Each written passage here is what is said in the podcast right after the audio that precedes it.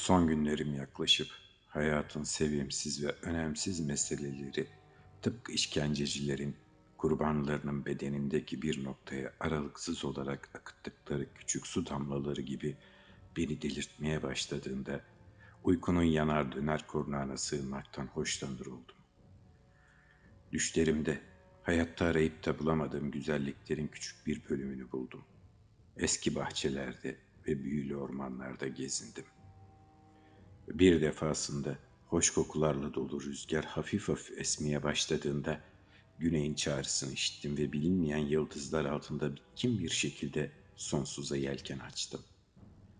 Bir defasında yağmur usul usul yağmaya başladığında bir başka dünyaya, Monrain şafağın yanar döner çardaklarının ve hiçbir zaman solmayan güllerinin dünyasına ulaşıncaya kadar yer altındaki güneş görmeyen bir nehirde bir marlayla kayar gibi yol aldım. Tırmanıcı bitkilerle kaplanmış yüksek bir duvarla nihayetlenen altın sarısı bir vadide yürüdüm. Devasa ağaçların garip bir şekilde eğilip büküldüğü, gri ve rutubetli toprağın yıkılıp toprak altında kalmış bir tapınağın yosun bağlamış taşlarını yer yer açığa çıkararak bir ağaç gövdesinden diğerine uzandığı yarı aydınlık bir yerde gitgide daha fazla oyalanarak bu vadide sık sık yürüyüşe çıkıyordum.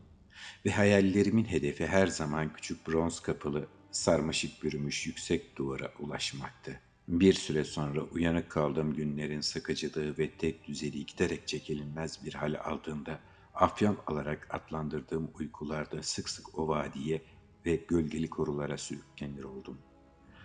Kendi kendime yeni ilgilerden ve renklerden yoksun sıkıcı bir dünyaya bir daha asla sürünerek dönme ihtiyacı duymaksızın ebediyen burada nasıl kalacağımı soruyordum.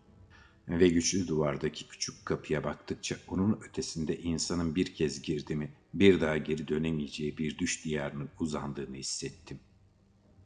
Böylece her gece uykumda sarmaşık kaplı eski duvardaki küçük kapının gizli mandalını aradım. Ama belli ki son derece iyi saklanmıştı.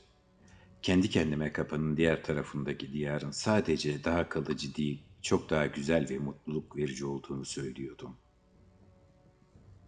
Sonra bir gece düş kenti Zakaryon'da eskiden beri bu kentte yaşayan ve uyanıklık dünyasında doğmuş olmayacak kadar zeki olan düş bilgelerinin sözleriyle dolu sararmış bir papyrus buldum. Üzerinde düş dünyası ile ilgili birçok şey yazılıydı.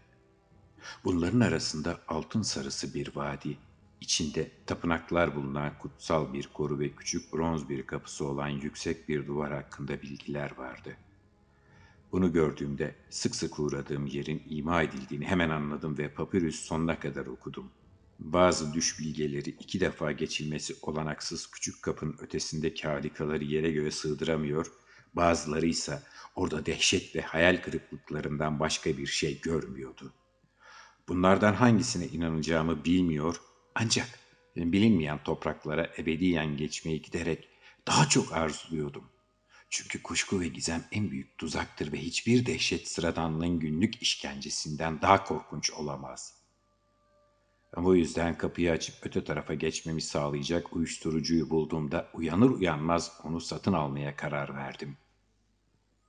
Dün gece uyuşturucuyu yuttum ve altın sarısı vadiye, gölgeli korulara doğru hayal içerisinde yüzercesine yol aldım. Ve bu defa kadim duvara geldiğimde küçük bronz kapının açık olduğunu gördüm. Daha ileriden bir ışıltı garip bir şekilde eğri büğrü devasa ağaçları ve toprağa gömülmüş tapınakların üstlerini aydınlatıyordu. Geri dönüşü olanaksız toprakların ihtişamını görmek umuduyla şarkı söyleyerek kapıdan içeri süzüldüm. Ama kapıya iyice açılıp uyuşturucunun ve rüyanın büyüsü beni öte tarafa geçirdiğinde manzaranın da ihtişamın da sona erdiğini anladım. Çünkü bu yeni diyarda ıssız ve sınırsız bir uzamın bembeyaz boşluğundan başka ne kara ne de deniz vardı.'' Böylece hayat şeytanının kısa ve hüzünlü bir tek saatliğine beni çağırdığı mutlak unutuluşun doğal sonsuzluğunda hiç olmadığım kadar mutlu bir şekilde yeniden kendimi kaybettim.''